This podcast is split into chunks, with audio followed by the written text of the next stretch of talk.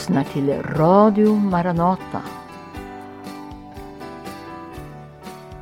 Och vi ska den här sändningen lyssna till Märta Bergströmmare som undervisar utifrån Höga Visan, Vem är bruden?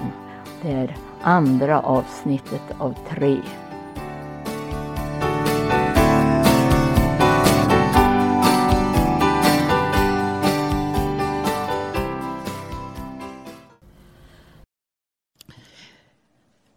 Det är alltså det andra avsnittet i mitt studium av Höga Visan. Rubriken är Bruden i Höga Visan. Vem är hon? Och förra gången så talade jag om utväljelsen. Läste Apostlagärningarnas kapitel, ett kapitel, en Ehm, skildring ifrån det som kallas för apostlamötet i Jerusalem. När man fastslog att Gud redan före tidsåldrarnas begynnelse hade bestämt sig för att hans son skulle ha en brud. Det var utväljelsen. Då läste jag vem är hon som kommer upp från öknen stödd på sin vän. Och så fastslog vi att det enda möjlighet att bli utvald som brud till Herren Jesus Kristus det är att ta emot honom som frälsare. Därför att i oss själva har vi ingen konungslig värdighet. Idag ska jag tala om utifrån Höga visan 3 och 6. Där det heter så här. Vem är hon som kommer upp från öknen som i pelare av rök med doft av myrra och rökelse från köpmannens alla kryddor. Vem är hon som kommer upp från öknen som i pelare av rök? Det handlar idag om avskildhet. Jag skulle kunna sätta rubriken helgelse men då riskerar jag att flera av oss börjar tänka på yttre attribut. Beteende, utseende och så vidare. Men det jag ska tala om idag när det gäller bruden, det är absolut inte en yttre helgelse. Det är ett djupare liv. Ett djupare liv. Och eh, Hebreerbrevets tolfte kapitel säger att i den fjortonde versen att utan helgelse får ingen se Herren. Det är alltså någonting väldigt viktigt med denna avskildheten. Man läser om hur eh, i 4 och 12 i Höga Visan så läser vi om hur en tillsluten lustgård är min syster, min brud. Och innan jag går vidare med det så vill jag bara fråga varför kommer hon ifrån öknen och i pelare av rök? Vad är det som har skett i öknen? Ja, det är tydligen någonting som har bränts. Och det är så att om vi ska få se Guds härlighet så måste vi avskiljas. Inte bara, inte bara utväljas. Det är det första steget. Men sen måste vi också avskiljas på så sätt att inte vi drivs bort med strömmarna. Drivs bort för vart vindkast i läran, som det också heter. Så vad är det bruden gör i öknen? Ja, Vi ska gå till Hosea, bokens andra kapitel. Och försöka att få med oss lite lärdom därifrån.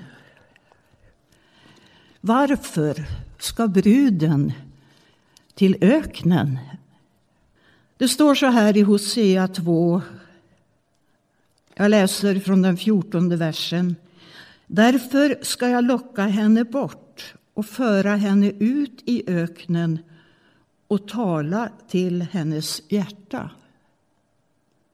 Det är alltså fråga om ett alldeles speciellt förhållningssätt där Herren kan tala till hjärtat.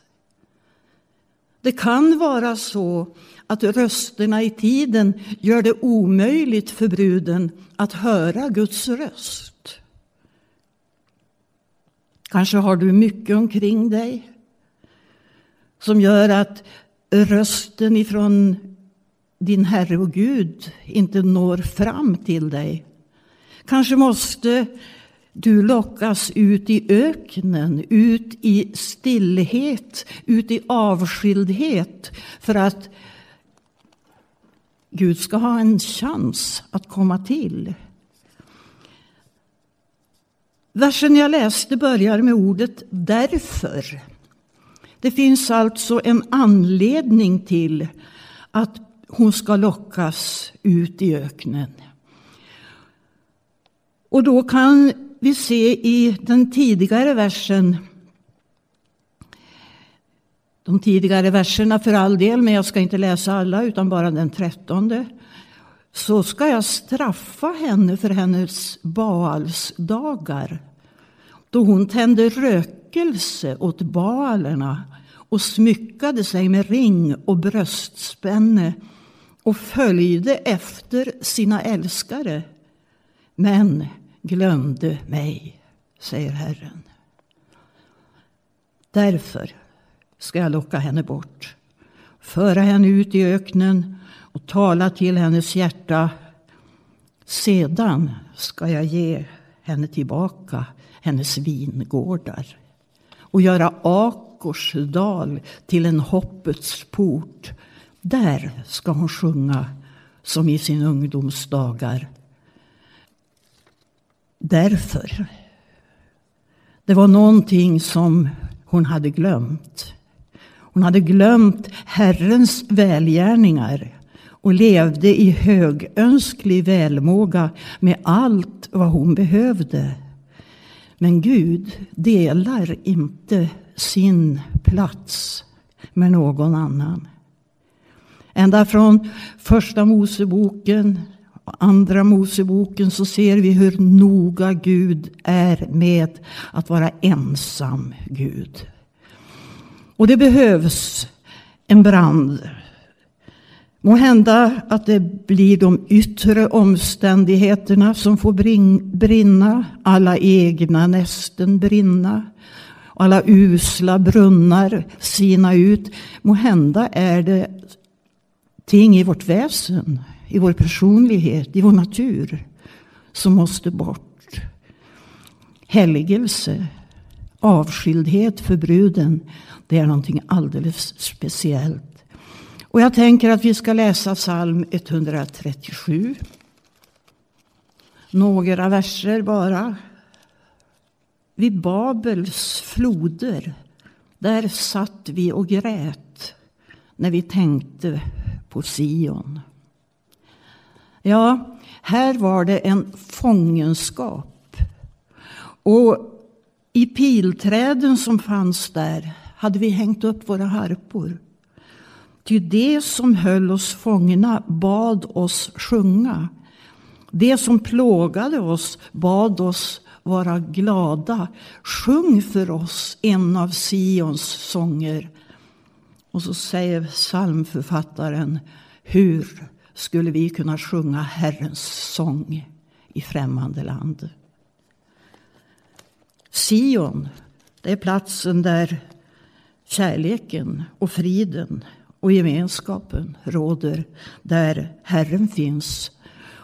Och man sitter och minns Sion och man gråter. Men det hjälper inte att gråta, man måste låta sig fångas. Man måste låta sig föras ut i enskildheten, avskildheten med Herren för att bli delaktig av den här helgelsen som gör hjärtat rent. Och i Matteus så säger Jesus så här, saliga är de renhjärtade, för de ska se Gud.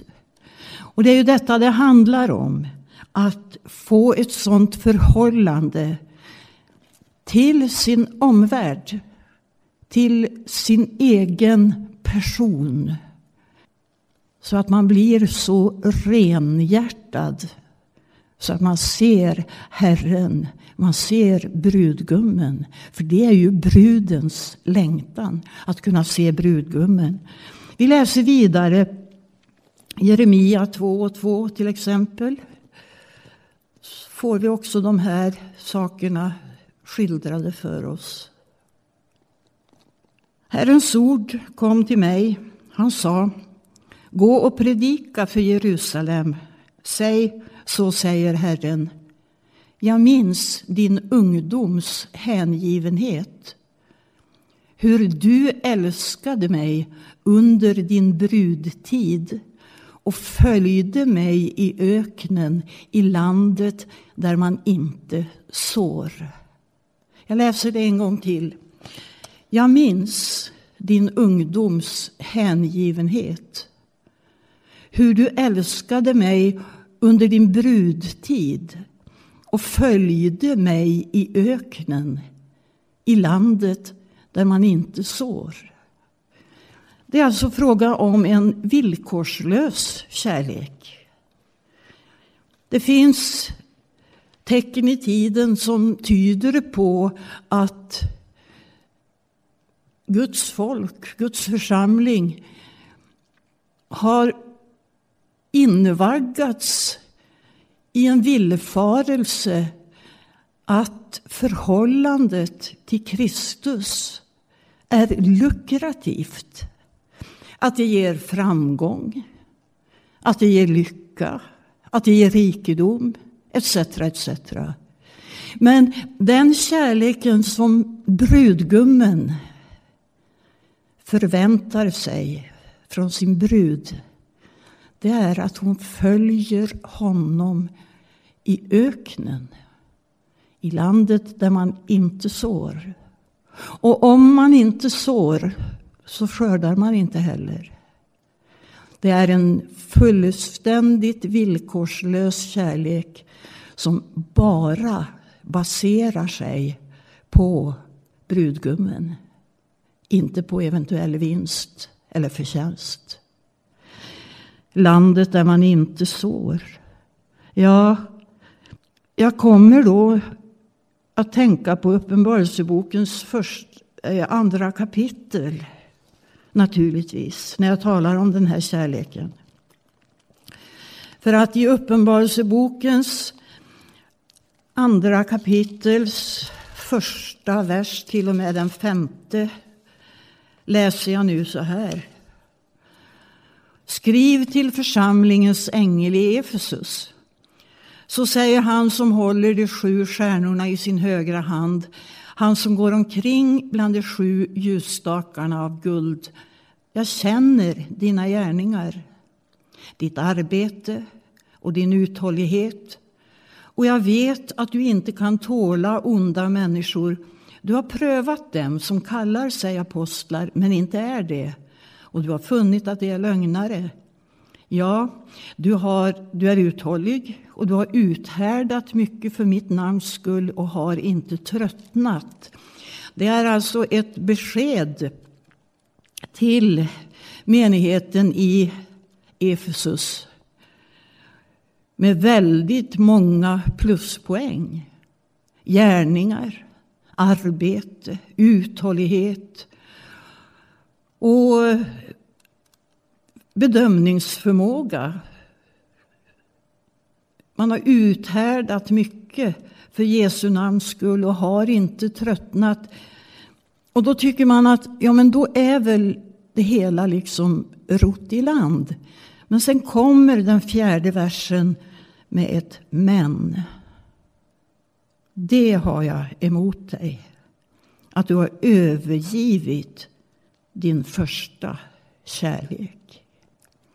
Det finns någonting som är viktigare än allt det här yttre. Jag sa det förut, låt oss inte för ett ögonblick tro att brudens helgelse är fråga om det yttre. Det är fråga om det inre, hjärtats förhållande. Uthållighet är bra. Många av oss har varit arbetande, energiska, trogna och trofasta. Men sen kommer detta men. Du har övergivit din första kärlek. Och då säger Herren till Efesus här, omvänd dig. Om du inte omvänder dig så ska jag flytta din ljusstake.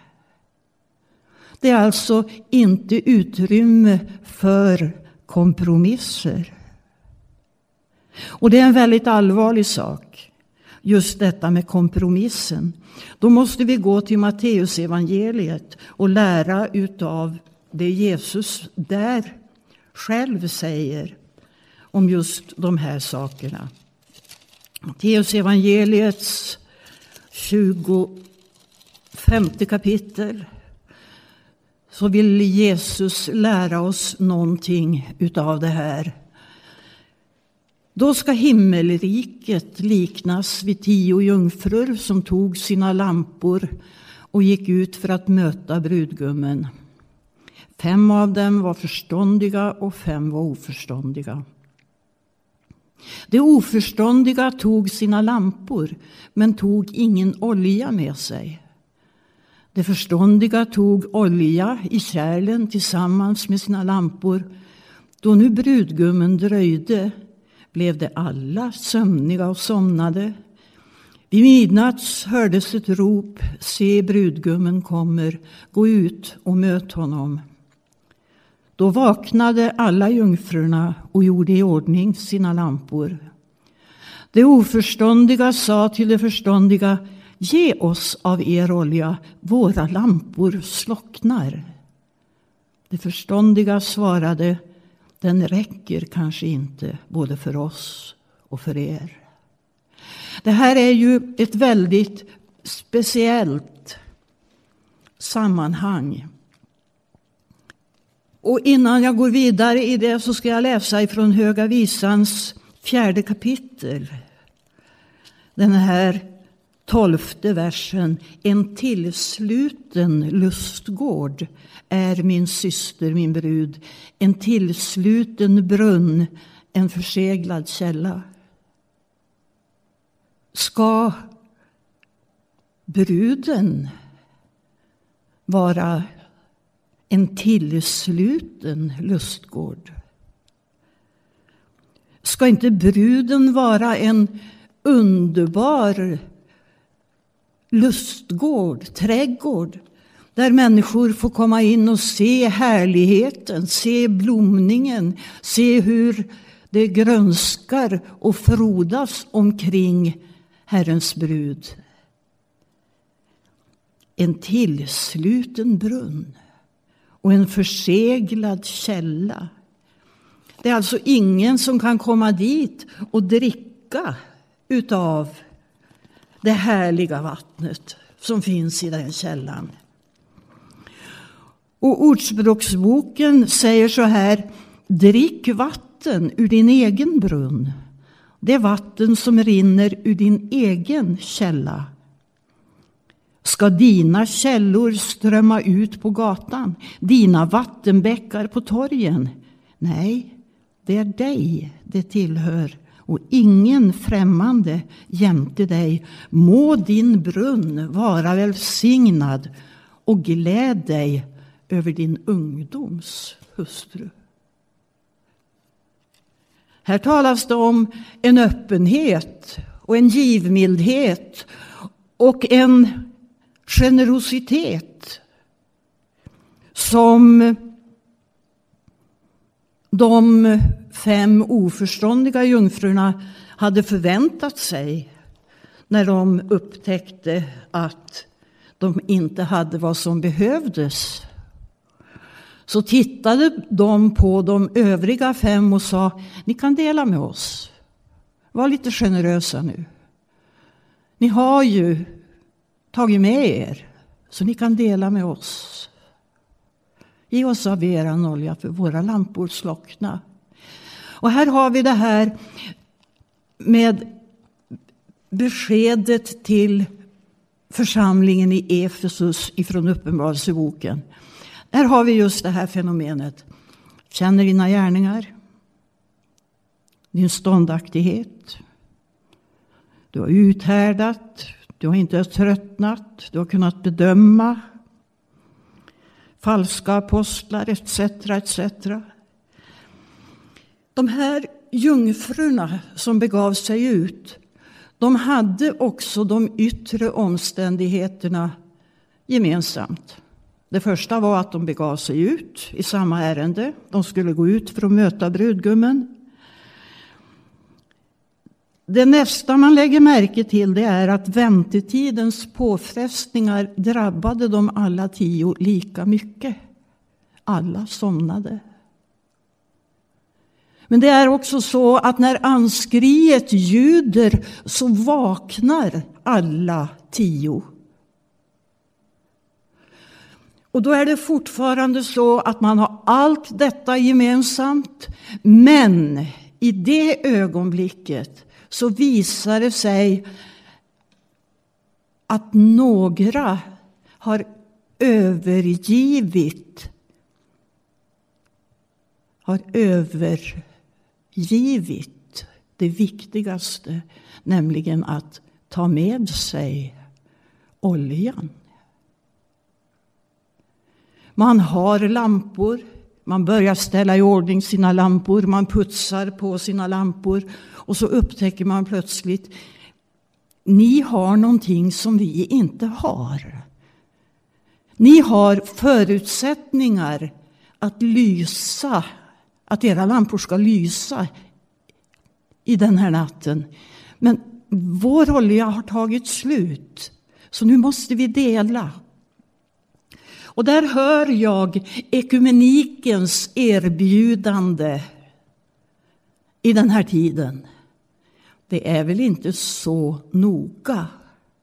Vi kan väl ha gemenskap. Vi kan väl komma överens om att även om vi inte har allting gemensamt beträffande tro och lära så är vi ju ändå på väg åt samma håll. Vi har ju gått ut tillsammans. Ni kan väl vara lite generösa och säga att vi, vi, vi delar, vi tar minsta gemensamma nämnare så kommer vi alla fram. Så följs vi alla åt.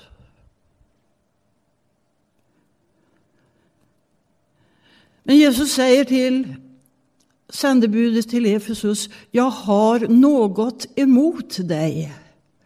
Du har övergivit din första kärlek. Det var den där kärleken där du följde mig i landet där man inte sår.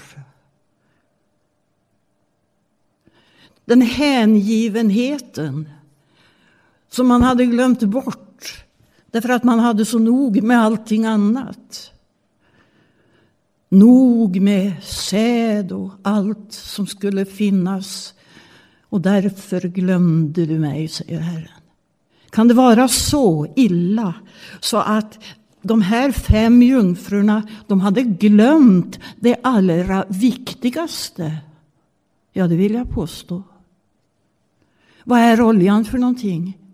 Ja, vi kan se att utan olja ingen eld. Men vad är oljan för någonting? Det är det inre förhållandet med Gud. Det inre gudslivet. Det som inte kan putsas på så att det glänser på utsidan utan som måste fyllas på inifrån så att det ger möjlighet att brinna, att lysa. Man måste ju se kompromissens fatalitet i detta fall. Kompromissens fatalitet. Det skulle vara att alla tio jungfrurna aldrig nådde målet. Om lustgården i brudens Höga visa var en öppen tillställning. Där du kan slinka in när du vill och slinka ut när det passar. Då skulle den källan bli förorenad och aldrig kunna duga till liv. Predikaren 9 och 8 säger kan läsa det till där, ett sånt där ord som har följt hela livet som jag tror många av oss fick med sig ifrån söndagsskola. Låt dina kläder alltid vara vita och låt olja aldrig fattas på ditt huvud. Ja, det är en viktig sak detta med oljan. Och jag vill läsa ifrån Efesiebrevet för att vi ska få lite mera klart för oss vad det kan handla om. Därför att jag har hört många tyda ut detta med olja som att det helt enkelt handlar om att eh, vara andedöpt. Och helt klart så handlar det om den helige ande. Men det är inte så att en temporär och punktuell gudsupplevelse utav anden garanterar att porten står öppen. Det är nämligen fråga om ett inre liv. Och därför så läser jag ifrån Efesiebrevets tredje kapitel, verserna 16 till 19.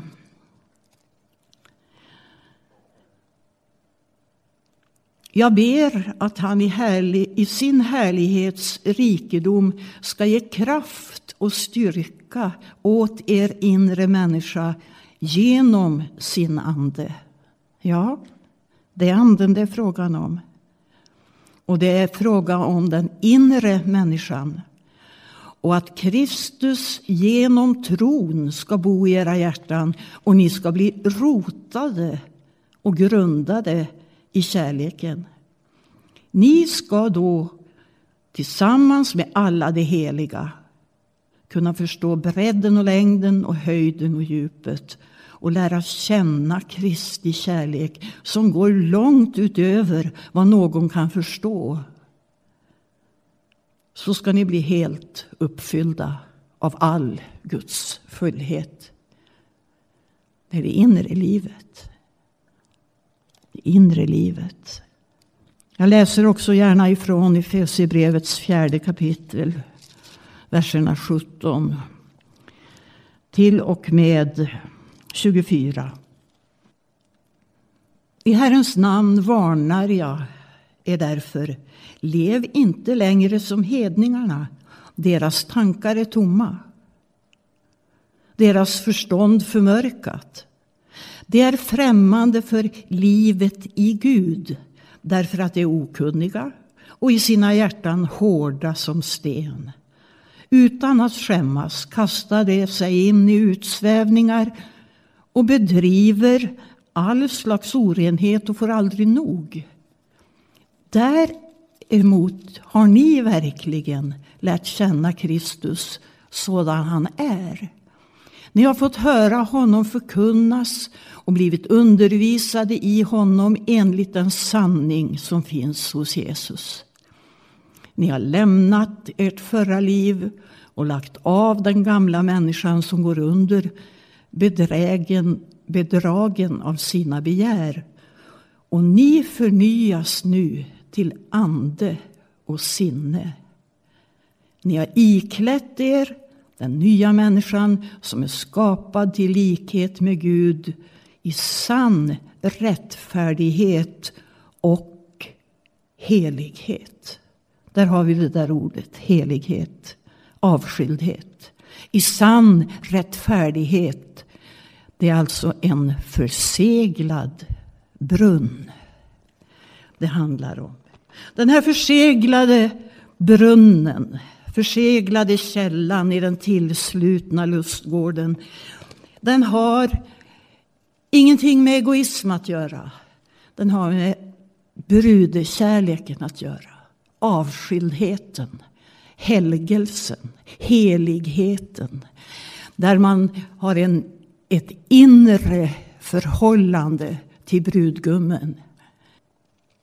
Vad ska då bruden finnas till för där i lustgården? Ja, vi kan läsa ifrån det fjärde kapitlet i Höga visan ännu en gång, men ifrån den femtonde versen nu. En källa i lustgården är du, en brunn med friskt vatten. Ett rinnande flöde från Libanon. Ja, där har vi den där källan igen. Och då måste vi gå till Johannes evangeliets fjärde kapitel och lyssna till vad Jesus säger om en sådan källa. Han säger nämligen när han har träffat den här kvinnan vid Jakobs brunn där i Sykar. Och man talar med varandra om den djupa brunnen och behovet av vattnet så säger Jesus så här. Var och en som dricker av det här vattnet blir törstig igen. Men den som dricker av det vatten jag ger, han ska aldrig någonsin törsta. Och så kommer det här. Det vatten jag ger ska i honom bli en källa som flödar fram och ger evigt liv. Det är alltså en högst personlig källa som baserar sig endast på detta gemenskapen med Jesus Kristus. Gemenskapen, beroendet av brudgummen. Och när man firar högtid, den största högtiden, så står Jesus och ropar om någon törstar så kom till mig och drick. Då hade man burit vatten alla högtidsdagarna för att fylla upp ifrån den här dammen till helgedomen. Nu är den sista dagen kommen, kommen och då står Jesus där och ropar. Om någon törstar, så kom till mig och drick. Och då kan man ju börja se sig omkring och undra, men du har väl inget att servera? Liksom kvinnan vid Sykarsbrunnen säger, Herre, brunnen är djup och du har ingenting att hämta upp vatten med. Och då får Jesus berätta för henne att den som tror på mig i hans innersta ska springa upp det friska levande vattnet. Liksom han nu säger där han står vid helgedomen. Den som tror på mig, ur hans innersta ska strömmar av levande vatten flyta fram som skriften säger. Detta sa han om anden som de skulle få som trodde på honom. Jag undrar ibland om vi har förstått Guds gåva. Jag undrar ibland om vi har förstått hur viktigt det är detta med avskildheten, efterföljelsen att lämna stojet och stöket och den här nedbrytande gemenskapen och följa honom ut i enskildheten, om du kan förstå bilden. och låta den helige Andes eld få brinna på ett sådant sätt så att alla egna förutsättningar brinner. Och när vi kommer tillbaka uppifrån öknen då luktar det inte bränt om oss. Men det luktar, det doftar. Vad stod det? I pelare av rök. Ja, det är något som har brunnit. Men med doft av myrra och rökelse. Myrra det är ju tecknet på lidande. Det är ett lidande att vara en Jesu efterföljare, att vara en avskild brud. Det är förvisso ett lidande, men det var också rökelse, väldoften. Och där ska vi gå nu då till Höga visans fjärde kapitel. Och då är vi vid den här lustgården, den här tillslutna trädgården. Och där säger bruden så här. Vakna upp, du nordanvind. Kom, du sunnanvind. Blås genom min lustgård. Låt dess väldoft strömma ut. Här har du det här gudomliga fenomenet. Hon stänger till om sin lustgård. Hon sluter till sin brunn och förseglar sin källa. Hon är noga med att det är det privata, absolut innerliga förhållandet till Herren som ger henne ett friskt vatten som gör att lustgården kan leva och bära frukt. För hon säger också så här, låt min vän komma till sin lustgård och äta dess utsökta frukter. Men först så ber hon nordanvinden att vakna upp. Varför det? Varför vill hon att det ska blåsa nordan i hennes lustgård? Vi går omkring och huttrar och sveper plaggen tätare omkring oss när nordanvinden når oss. Men bruden hon säger, vakna upp du nordanvind. Jo, det är så att i lustgården växer det olika slags träd. Det finns träd som inte avger någon doft förrän det blir full storm. När nordanvinden plågar de här träden så att rötterna vibrerar. Då tränger sig väldoften ut. En oerhörd bild på hur ibland Guds starka vindar måste få skaka om oss för att det ska visa sig, för att det ska bli känt vad vi är rotade i. Rotade i Herren. Så kommer väldoften att visa sig när vi prövas hårt. Men hon säger också, kom du sunnanvind och blås genom min lustgård och låt dess väldoft strömma ut. Ja, det är inte bara hårda tag och prövningar.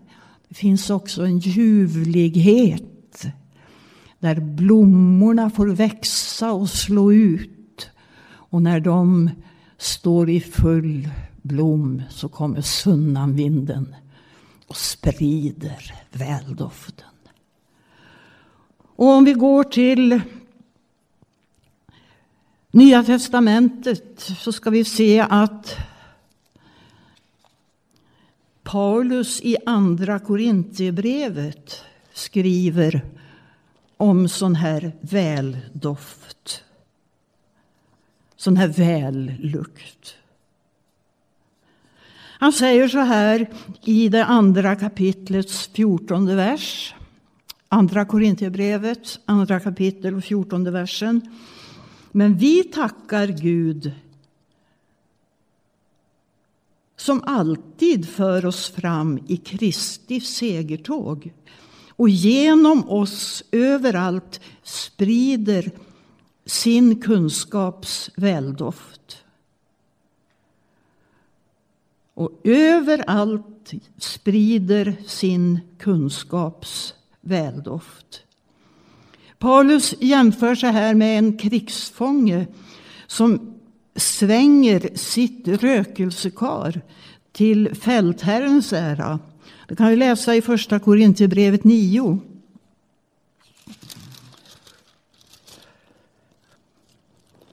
Första Korinthierbrevets nionde kapitel. Och vi har verserna 17 och 19 där. Det handlar om den här tjänsten som är eh,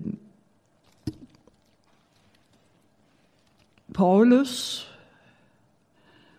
Han eh, skriver för att han vill inte att någon ska ta berömmelsen ifrån honom utan han säger att om jag predikar evangelium så har jag inget att berömma mig av eftersom jag är tvingad till det. Och ve mig om jag inte predikar evangelium. Men eh, det är då alltså det här förhållandet. Han är en krigsfånge och det han har att göra det är att svänga sitt rökelsekar till sin herres ära. Och det är ytterligare en bild alltså på den här vällukten.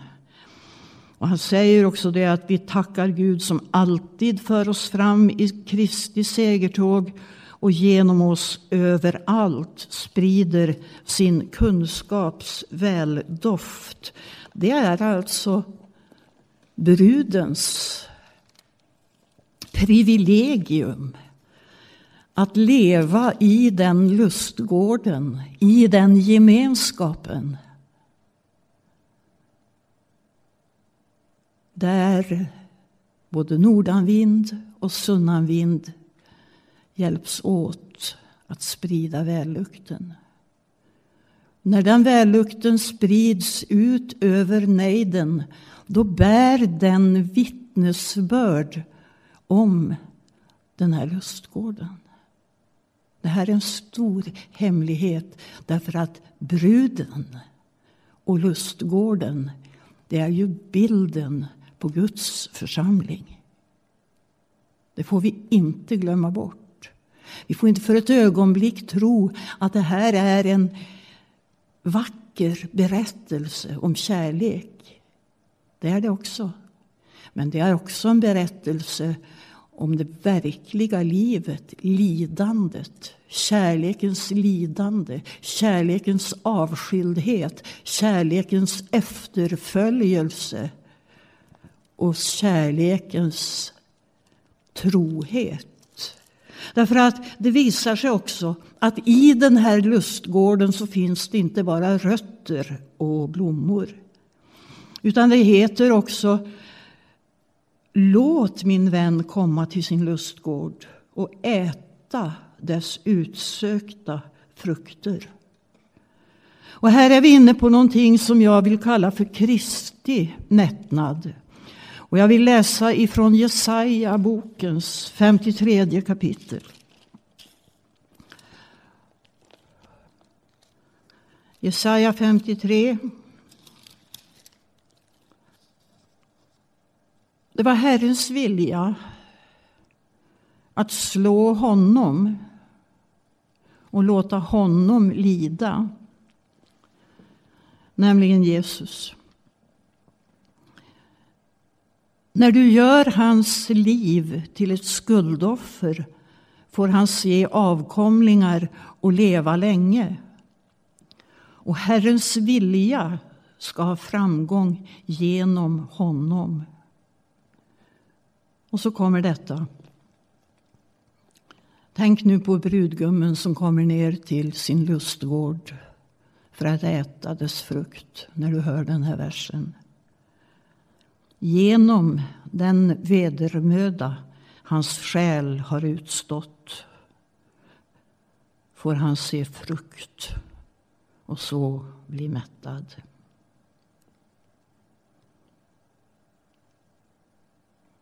Genom den vedermöda hans själ har utstått får han se frukt och så bli mättad. Och då kan jag inte låta bli att slå upp en sång som också talar om den här verkligheten.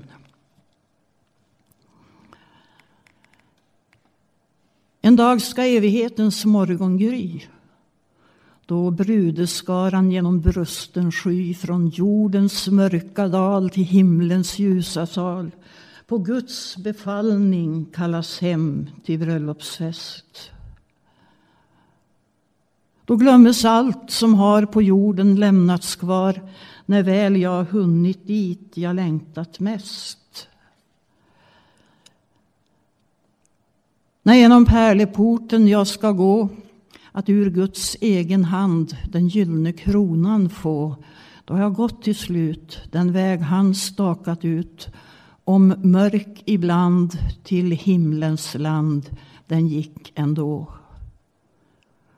Hur ska det kännas då att honom se som gav sitt liv för mig, en syndare för att jag skulle få på gyllene gator gå ut i Guds undersköna stad en evighet.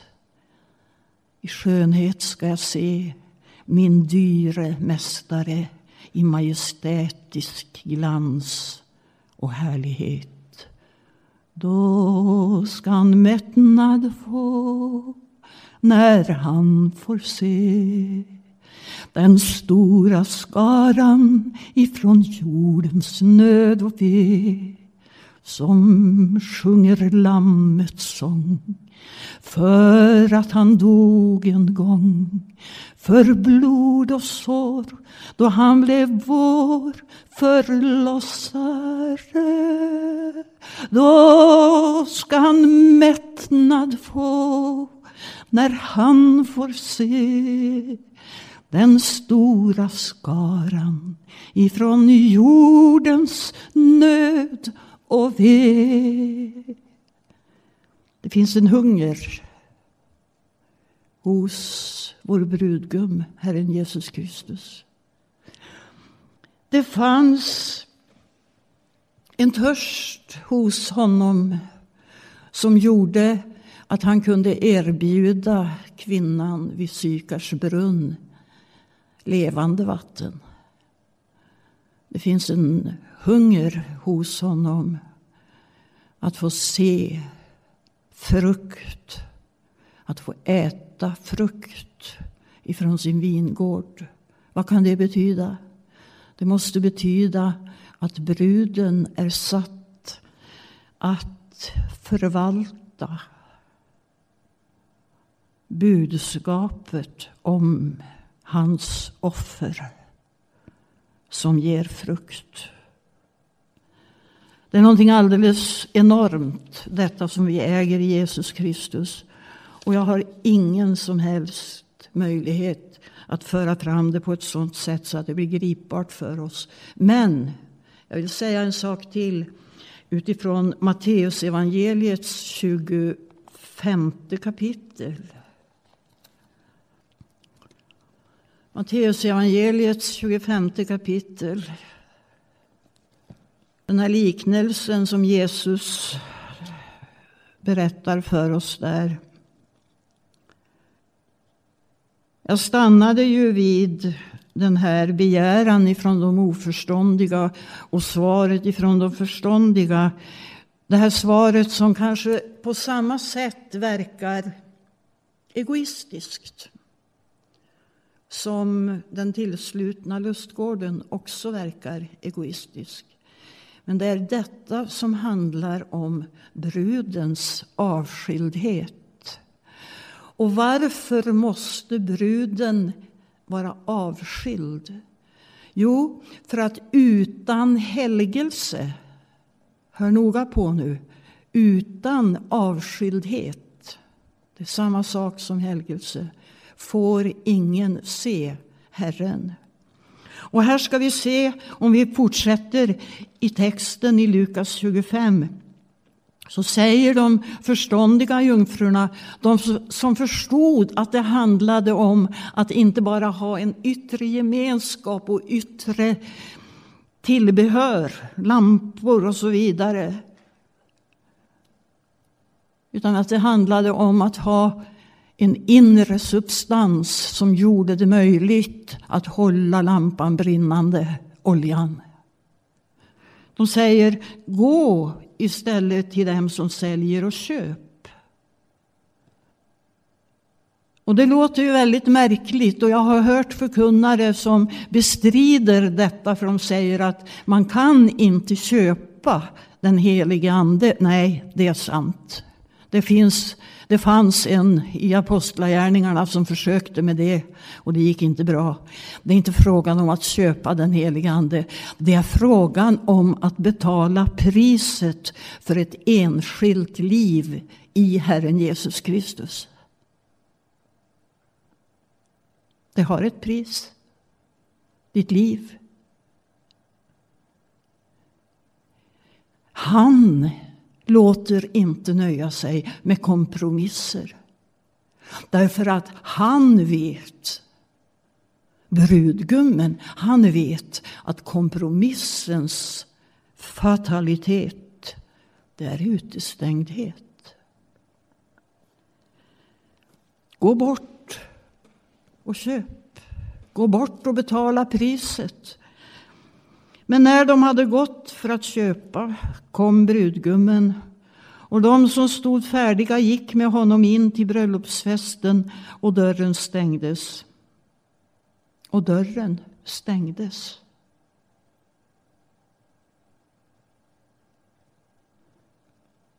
Sedan kom de andra jungfrurna tillbaka och sa Herre, Herre, öppna för oss.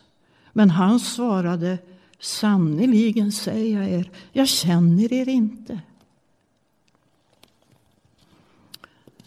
Jag vet att det var en kyrkans man, möjligen en biskop, högt uppe i Norge som för en tid sedan predikade över den här texten. Och som var så glad över att nu kunde han predika den på ett nytt sätt. Nämligen att det finns inga stängda dörrar. Gud stänger aldrig dörren. Gud öppnar porten på vid gavel så att alla kan komma in. Så han menade att det Jesus talade om här, det var inte överhuvudtaget inte relevant. Och det skrämmer mig om inte Jesu egna ord är relevant i den här tiden. Vad ska vi då hålla oss till? Hur ska vi då nå målet om vi inte förstår att det Jesus säger det är att om du saknar livet i Gud så om du saknar den första kärleken, om du saknar avskildheten så kommer du inte fram. Jesus säger vaka, för ni vet inte vilken dag eller timme han kommer. Våra dagars evangelium det är att allting går bra. Men Hebreerbrevet i min bibel säger fortfarande utan helgelse får ingen se Herren. Och i Andra Korintierbrevets elfte kapitel där ska vi läsa de allvarliga orden. De mycket allvarliga orden. Där Paulus skriver så här om ni ändå kunde stå ut med lite dårskap från min sida? Ja, visst. Ni står ut med mig eftersom jag brinner av iver för er. Med den eld som kommer från Gud. Och så säger han, jag har trolovat er med en enda man för att föra fram en ren jungfru inför Kristus. För att föra fram en helgad jungfru inför Kristus. Att föra fram en helig brud inför Kristus. Men jag är rädd för att liksom ormen med sin list bedrog Eva så ska också era sinnen fördärvas och vändas bort mot den uppriktiga och rena troheten mot Kristus. Ormen erbjöd någonting som Gud inte hade givit tillåtelse till. I tredje Mosebokens elfte kapitel så ska vi ta det ordagrant. Samma Gud som satte Adam och Eva i lustgården. Han säger här, jag är Herren, er Gud. Ni ska hålla er heliga och vara helig, ty jag är helig. Orena er inte genom något av de smådjur som rör sig på jorden. Ty jag är Herren som har fört er upp ur Egyptens land för att jag ska vara er Gud. Så ska ni nu vara heliga, ty jag är helig. Det är alltså till Israels folk nu som Gud här talar och talar väldigt noga om detta med heligheten. Och om du vill ifrågasätta ordet helighet därför att du tycker att det är svårt att applicera på dig själv eller på dem du ser omkring dig. Så låt mig då hänvisa igen till att helig betyder avskild. Avskild.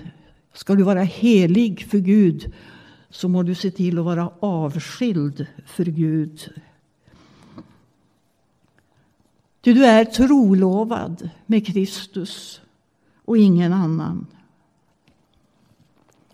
Vem är bruden? Vem är hon som kommer upp ifrån öknen? Jo, det är hon som följer i hjärtats uppriktiga trohet och kärlek. Det handlar om kärlek. Och det handlar inte om den sekunda kärleken, den som kommer på andra och tredje plats. Det handlar om den första kärleken. Det handlar om en brinnande lampa därför att Andens eld är mottagen av honom som tände den. Och utifrån detta så kan jag bara säga Gud välsigne och hjälpe oss alla så att vi tar vara på det erbjudande vi får därför att det handlar om Lammets brud. Det handlar om Guds församling. Mer, mera av Jesus.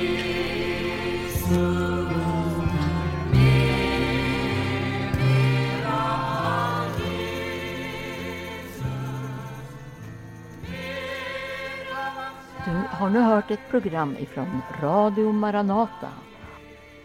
Och det var Märta Berg Strömmare som undervisade. Hon talar utifrån Höga Visan om Vem är bruden?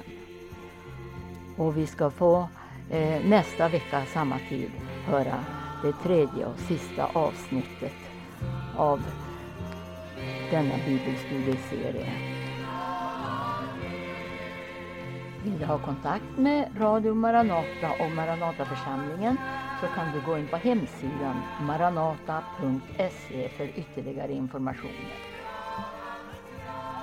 Och Radio Maranata sänder varje morgon klockan 8, måndagar och onsdagar även klockan 18. Gud välsigne dig och på återhörande i Radio Maranata.